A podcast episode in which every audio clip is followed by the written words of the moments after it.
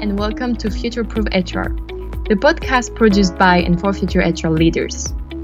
In this first episode, we will talk about AI and HR tech and what this means for the many generations on the work floor.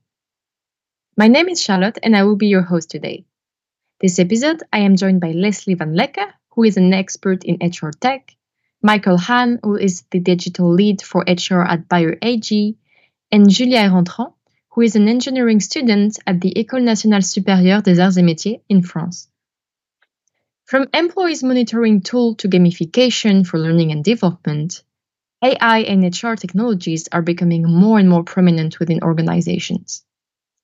With some help from the recent pandemic in accelerating the need for these technologies, departments within organizations, such as HR, have been prompted to rethink how they run their day to day operation to meet the employees' needs, but also to keep their competitive advantage.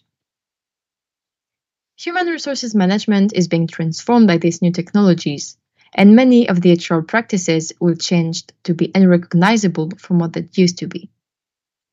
But what does this mean in practice?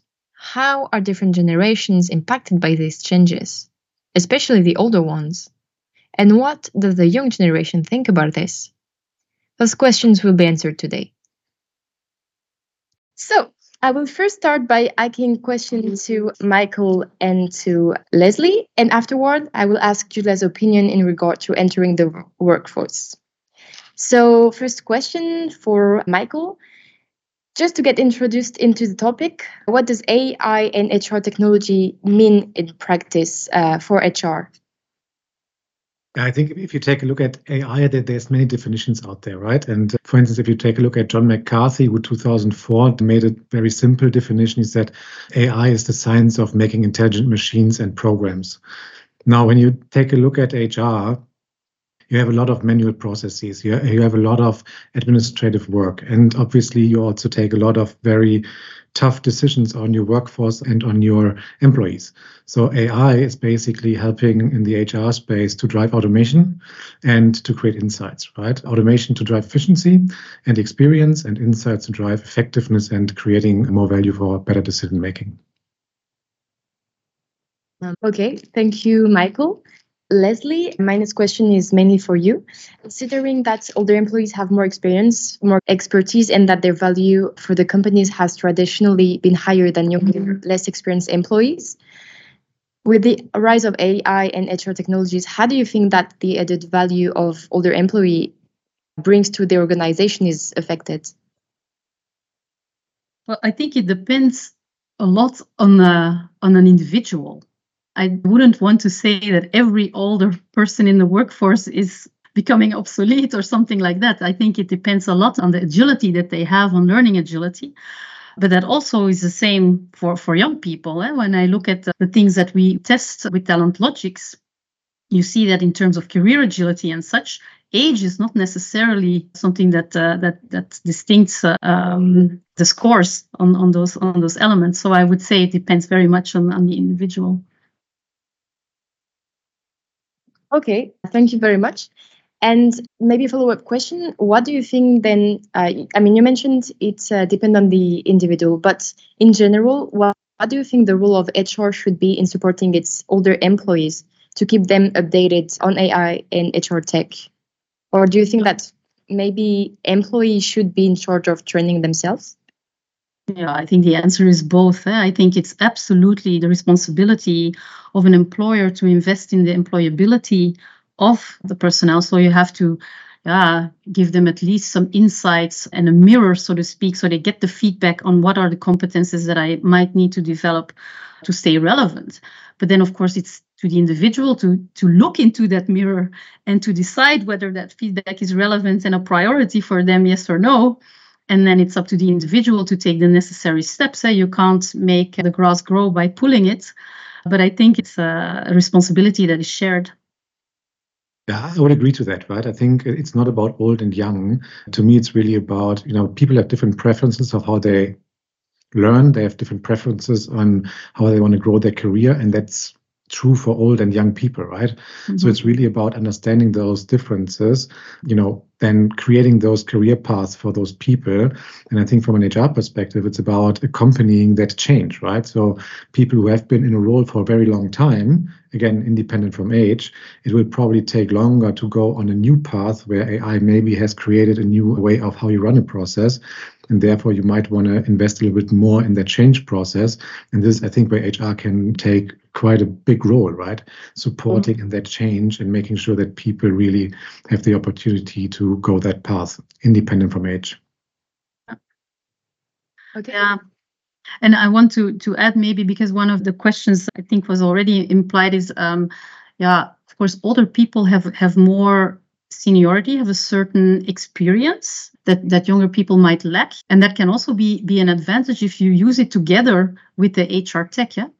If I look at my, my own situation, the advantages of HR tech in terms of what Michael said uh, and taking difficult decisions about your your your employees in, in in making sure that you offer the right development tracks, make sure that you can offer them custom trajectories, all these things.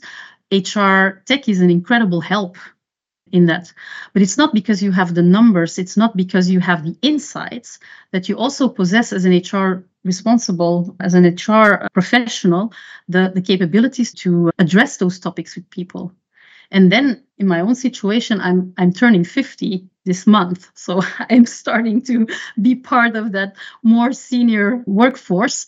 I find HR tech helps me tremendously, but I don't see a very young person that doesn't have all the experience experience in coaching etc etc deliver the message in the same way that i would you see so it's it's a combination of tech and touch that makes the difference and I think in HR you will need both. I don't think HR will become obsolete because you have HR tech and because you have AI. We always will need people to do the human stuff and that experience that that that older people have will always be of added value in my opinion. Thank you. That's a very uh, interesting answer. And i would like to go back. I think michael you mentioned that it wasn't so much a matter of different generation. They all like everybody basically learns in their own way. Maybe what do you think uh, the role that uh, different generation play like what role do the different generation play in guiding each other to be part of the digital transformation I think they can actually inspire each other. So if you take a look at reverse mentoring approaches, for instance, right? I mean, mm-hmm. there's this topic of seniority in the mentoring space where you basically share your experience. But then honestly, that there, there is a lot of things that happen in the digital transformation space where people adopt rather quickly and maybe you can reverse a mentor then to your senior managers, right? And I think that, that there is multiple areas where we experience that every day, like the way how you interact on social media, for instance. Um, and you see that now also going into all the different age groups as well. So I think that, that that's really an area where it becomes quite tangible how the you know younger younger more you know early adopting generations can inspire the more experienced generation but also the other way around yeah and i think yeah. the question will always be how do you bring the the new fancy stuff on a scale where it actually also helps you to run a business. And this is where both experience levels match and where you actually bring then the entire company forward. Mm-hmm. Yeah, if I if I can add something to that, those those new topics, uh, it, it's about the future. It's it's going to to open up a lot of opportunities and so on. But of course, you can't build your future if you don't know where you come from. Uh, we all stand on the shoulders of giants that came before us, and that's also true in organizations. I think those older people that know how the business developed and all the obstacles that they had to overcome and all those things are still important information for that younger generation in implementing those new things. Yeah, indeed, it's never completely smooth, and we cannot forget the past, I guess. But I would also like to ask you what are the dark side that you see or notice in including AI and technology in HR practices? Because we talk about how it's very advantageous, but are there any dark sides that you can think of? Yeah, sure.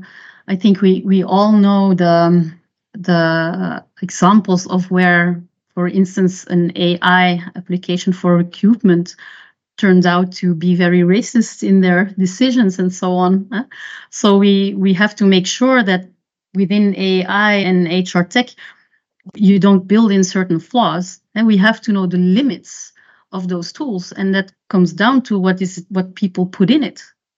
So I think a dark side of, of the whole thing is that we start to depend so much on the tooling that we lose out of sight how the tooling is built and what the limits of those tooling of that tooling is and it's a little bit we have we have lots of of examples. If you look at the, the book from from dan brown origin where ai plays an important role in the end ai just decides that it's better to get rid of the human race because they do nothing only bad stuff. So that's pushing it a, a little uh, a, little bit far maybe but um but there's definitely are dark sides. And also uh, in, in, in terms of becoming dependent on the material, people today don't know how to read maps anymore. We all depend so much on the on the GPS in our car that we don't that we don't even have a, a map in our car anymore. And so when the technology breaks down, we are completely lost. Yeah. So I think that's also important. That there still is, um, yeah, a certain professionalism, a certain um, yeah, knowledge that you need to have about what you are doing. HR is a, is a métier. And you have to understand all the elements at play. And even if you have automated it and, and the tool does everything for you, I think there are risks involved if you have if you have forgotten about your métier. And I think it's uh, in particular about this black box effect, right? Mm-hmm. So, um, right. you know, you have all those algorithms, they run yeah. with deep learning, and yeah. it, it, feels like you're losing a little bit control yeah. over it. In the end, I think the, the mechanisms that they're not new, right? So, I mean, they have been there for decades now. But now compute becomes so powerful that actually you can run it at scale. And then uh, to, to Lesley's point, it's all about also, you know, what is the information that you feed in? And I think if you feed certain information, so I think, I think there's a couple of examples where AI has been trained on historical data, and then career predictions have had a gender bias because historically there was a strong career pathing for male than for female. And I think these are the things that you need to watch out for to make mm-hmm. sure that when you train your algorithms, that this bias is really managed and that you don't run into those situations. And I think the other part is with the bigger growing complexity of data and you use, I don't know, predictive or prescriptive analytics, in the end, still the human being needs to take the decision, right? AI doesn't do it for you. No, but you need to start not. trusting into the data that yeah. the decision support that you're receiving is actually accurate. In the past, we were relying all on humans who have done all the data quality checks in the back and all the analytics. And you basically received a PowerPoint that gave you the aggregation of it, but you knew which are the people who have actually done the analysis. And this is now very often done by technology. And this is where you need to really make sure that the quality of your trained algorithm is producing the data that you can rely on. I think this is a little bit of where people these days see the dark sides in, but I think actually it's an opportunity. If you manage it correctly, then it actually can be super powerful. Yeah, I couldn't agree more. Eh? If you start building your algorithms based on yeah, yeah, things that are not evidence based, then your problem analysis and your judgment that is being delivered by the tool still is not a, a good basis to do, to uh, uh, base your decision upon, of course. Huh? Because I couldn't agree more. The decision has to be made by humans. Eh? HR, the HR tech applications can automate certain aspects of it, but uh, making the right decision also demands that you know the particular situation of a person, that you have ethics uh, at play, uh, um, and a, a computer is still not not capable of doing that. I think. Yeah, indeed. Thank you very much. I think it's clear that AI has its limitation, but also maybe its dangers. But in what practice do you think that, in what HR practices, obviously, do you think it's relevant to include AI and technology? I think in a very broad aspects of all the things that we do in HR, when it comes to, if you look at all the different roles that HR has to play, um, and from the Ulrich point of view in terms of administration, HR tech can be of tremendous help.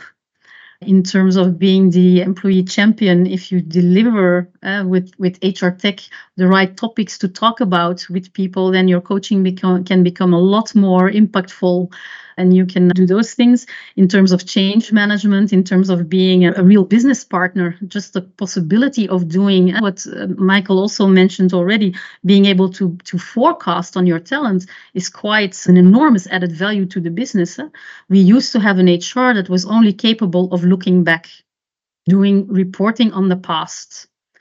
And like no CEO would be happy with a financial director that can only look back and not forecast.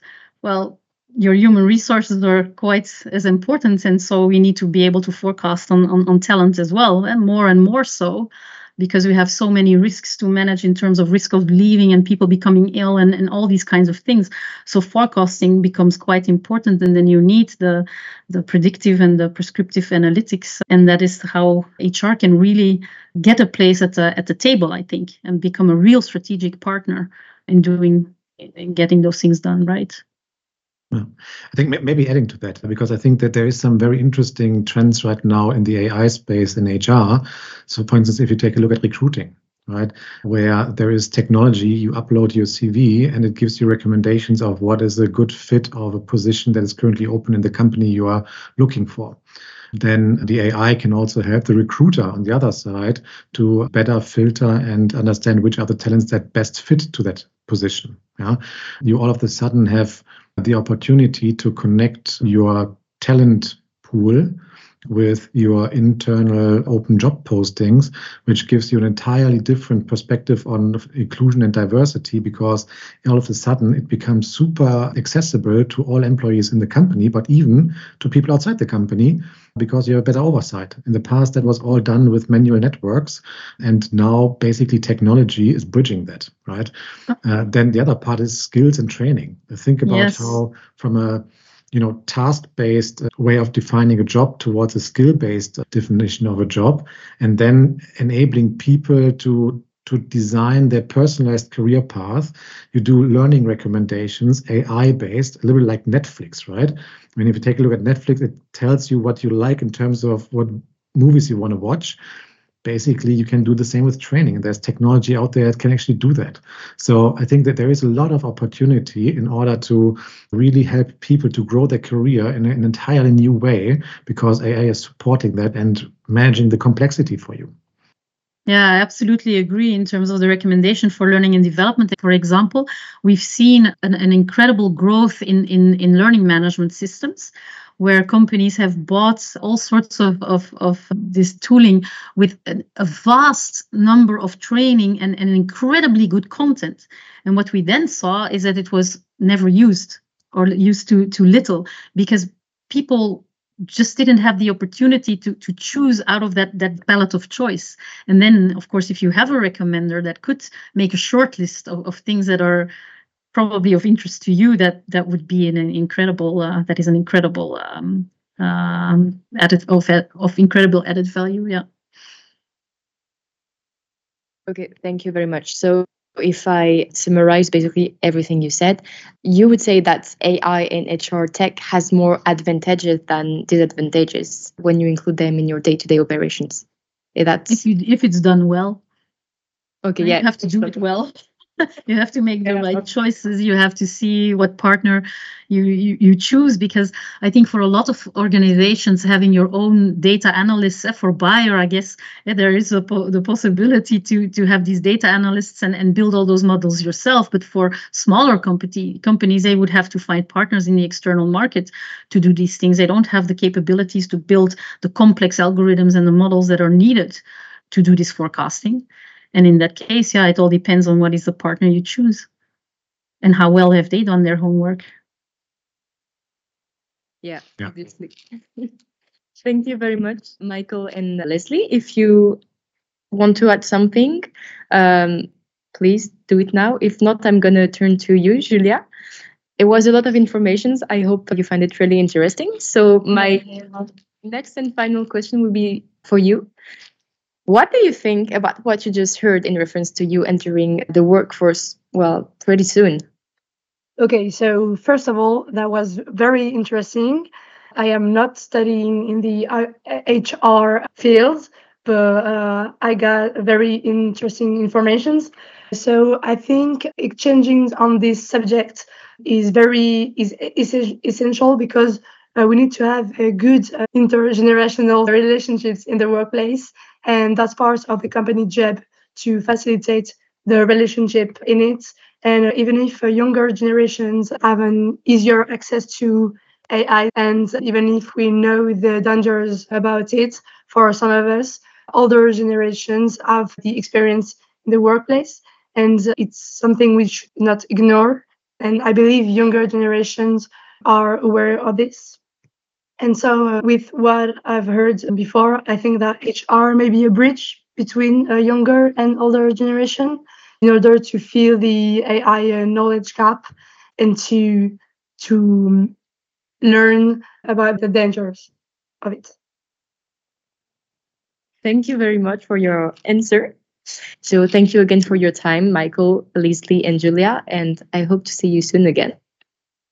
Today we talked about how different generations can inspire each other in the digital transformation space in many ways, and for example, through reverse mentoring approaches. The reason is because both younger and more experienced generations have valuable knowledge to share in both implementing new technologies and running a business. However, AI has dark sides. And one of the dark sides of AI and technology is the risk of building flows and becoming too dependent on the tooling. It's important to understand the limits of AI tools and not lose sight of how they are built. Also, there are risks involved in automating HR processes and forgetting about the human element. The black box effects of AI algorithm can make it feel like you're losing control over the information being fed in. Thus, you have to be careful. And also, historical data used to train AI can create biases in career prediction. Thus, it's important to be mindful of the information being fed into AI and consider its potential biases. But we also learned that AI in HR tech have more advantages than disadvantages if used well. HR tech can be helpful in various HR practices, such as administration, employee coaching, change management, and talent forecasting. AI can help in recruiting by man- matching candidates to job posting and promoting inclusion and diversity. But AI can also be used to recommend personalized learning and development opportunities to employees within a company.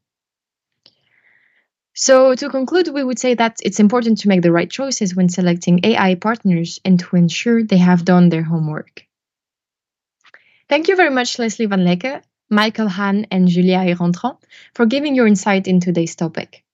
To everyone listening to our first podcast episode about how we can enable ourselves to be future proof regarding our HR department, we hope to see you again for our next episode. Thank you.